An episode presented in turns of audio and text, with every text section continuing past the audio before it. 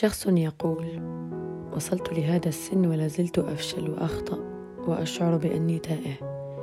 كرهت حياتي فعلا. وشخص آخر يقول لم أستطع معرفة بماذا أبدأ. بعملي لأحصل على راتبي أو حفظ القرآن أو بمشروعي الجديد أو امتحان الدكتور الذي على الأبواب ولم أجد وقت لأهتم بنفسي. كرهت حقا. وشخص آخر يقول أنهيت دراستي للتو ولكني أشعر بأني في متاهة.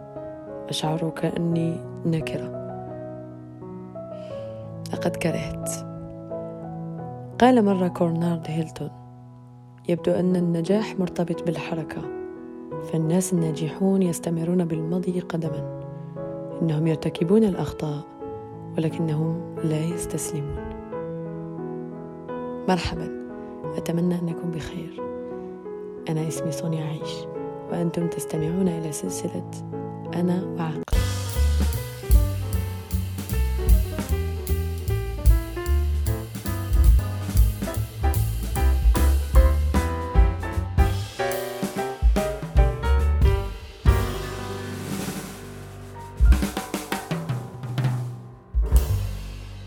يظن بعض الناس أن الحياة هي عبارة عن النجاح والسعادة. لكن لا يعلمون أن هذا المنظور خاطئ.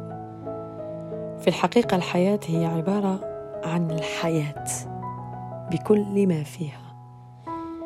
عندما نقول الحياة يعني نحن نقول الحزن السعادة الفشل النجاح التجارب الدروس الذكريات الناس كل هذه التفاصيل.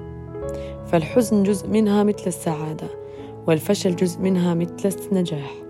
ولو نفكر جيدا نجد أن سبب تعاستنا هو منظورنا للحياة وما نعيشه.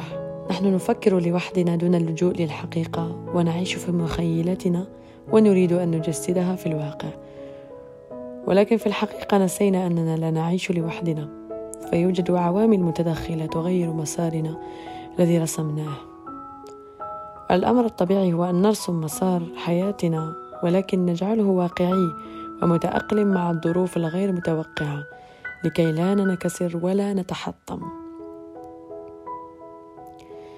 واحدة من تجاربي الشخصية التي فعلا بها دمرت نفسي داخليا لفترة وأصبحت لا أؤمن إلا بالاحتمالات.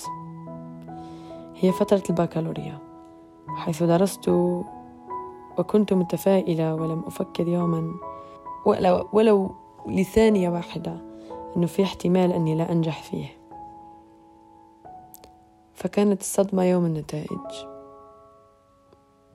وكيف جاءني الخبر كنت متحمسة. فلم تكن عندي الإنترنت ذلك اليوم لأتفقد الموقع.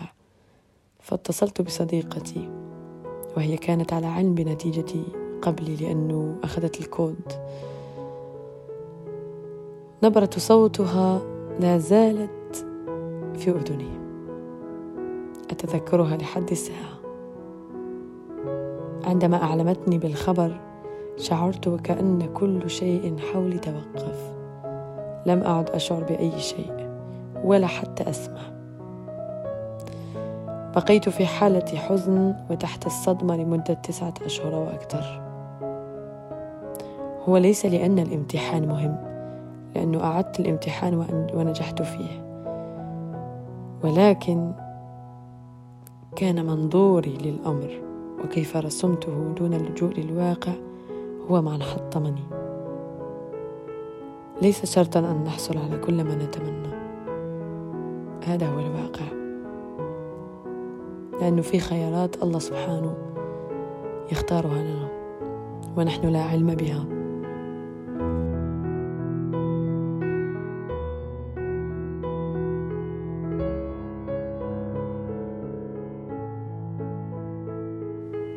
دائما ما أتساءل.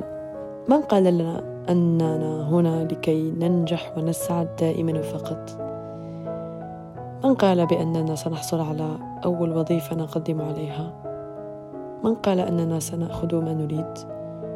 من قال أنه سننجح في كل مستويات دراستنا دون الإعادة والفشل فيها؟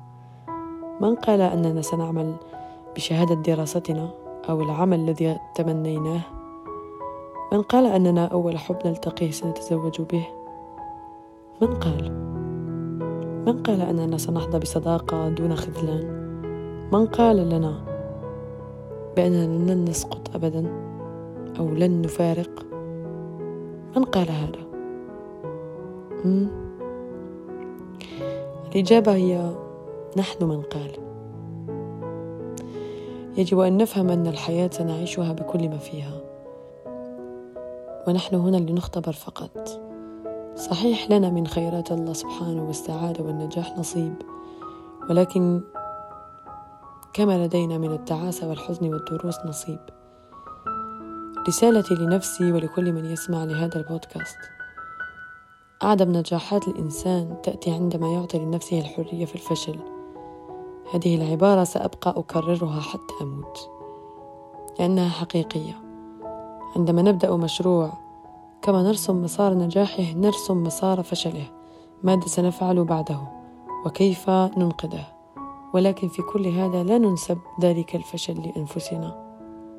المشروع فشل ليس نحن من فشل. نحن سنبتكر بعده آلاف من المشاريع. عندما نقول بأننا مهما جربنا في هذه الحياة يمكن أن ننجح فيه ويمكن أن نخسر وهذا عادي هنا سنصنع عالما آخر ليس فقط مشروع. أنتم في المسار الصحيح فقط لا تفقدوا الأمل. يقال أنجح الإنجازات في هذا العالم جاءت على يد أشخاص لم يفقدوا الأمل حين قاربوا الموت من الداخل. حلقتنا اليوم انتهت. أتمنى أنكم استفدتم بشيء. نلتقي في حلقة جديدة. سلام.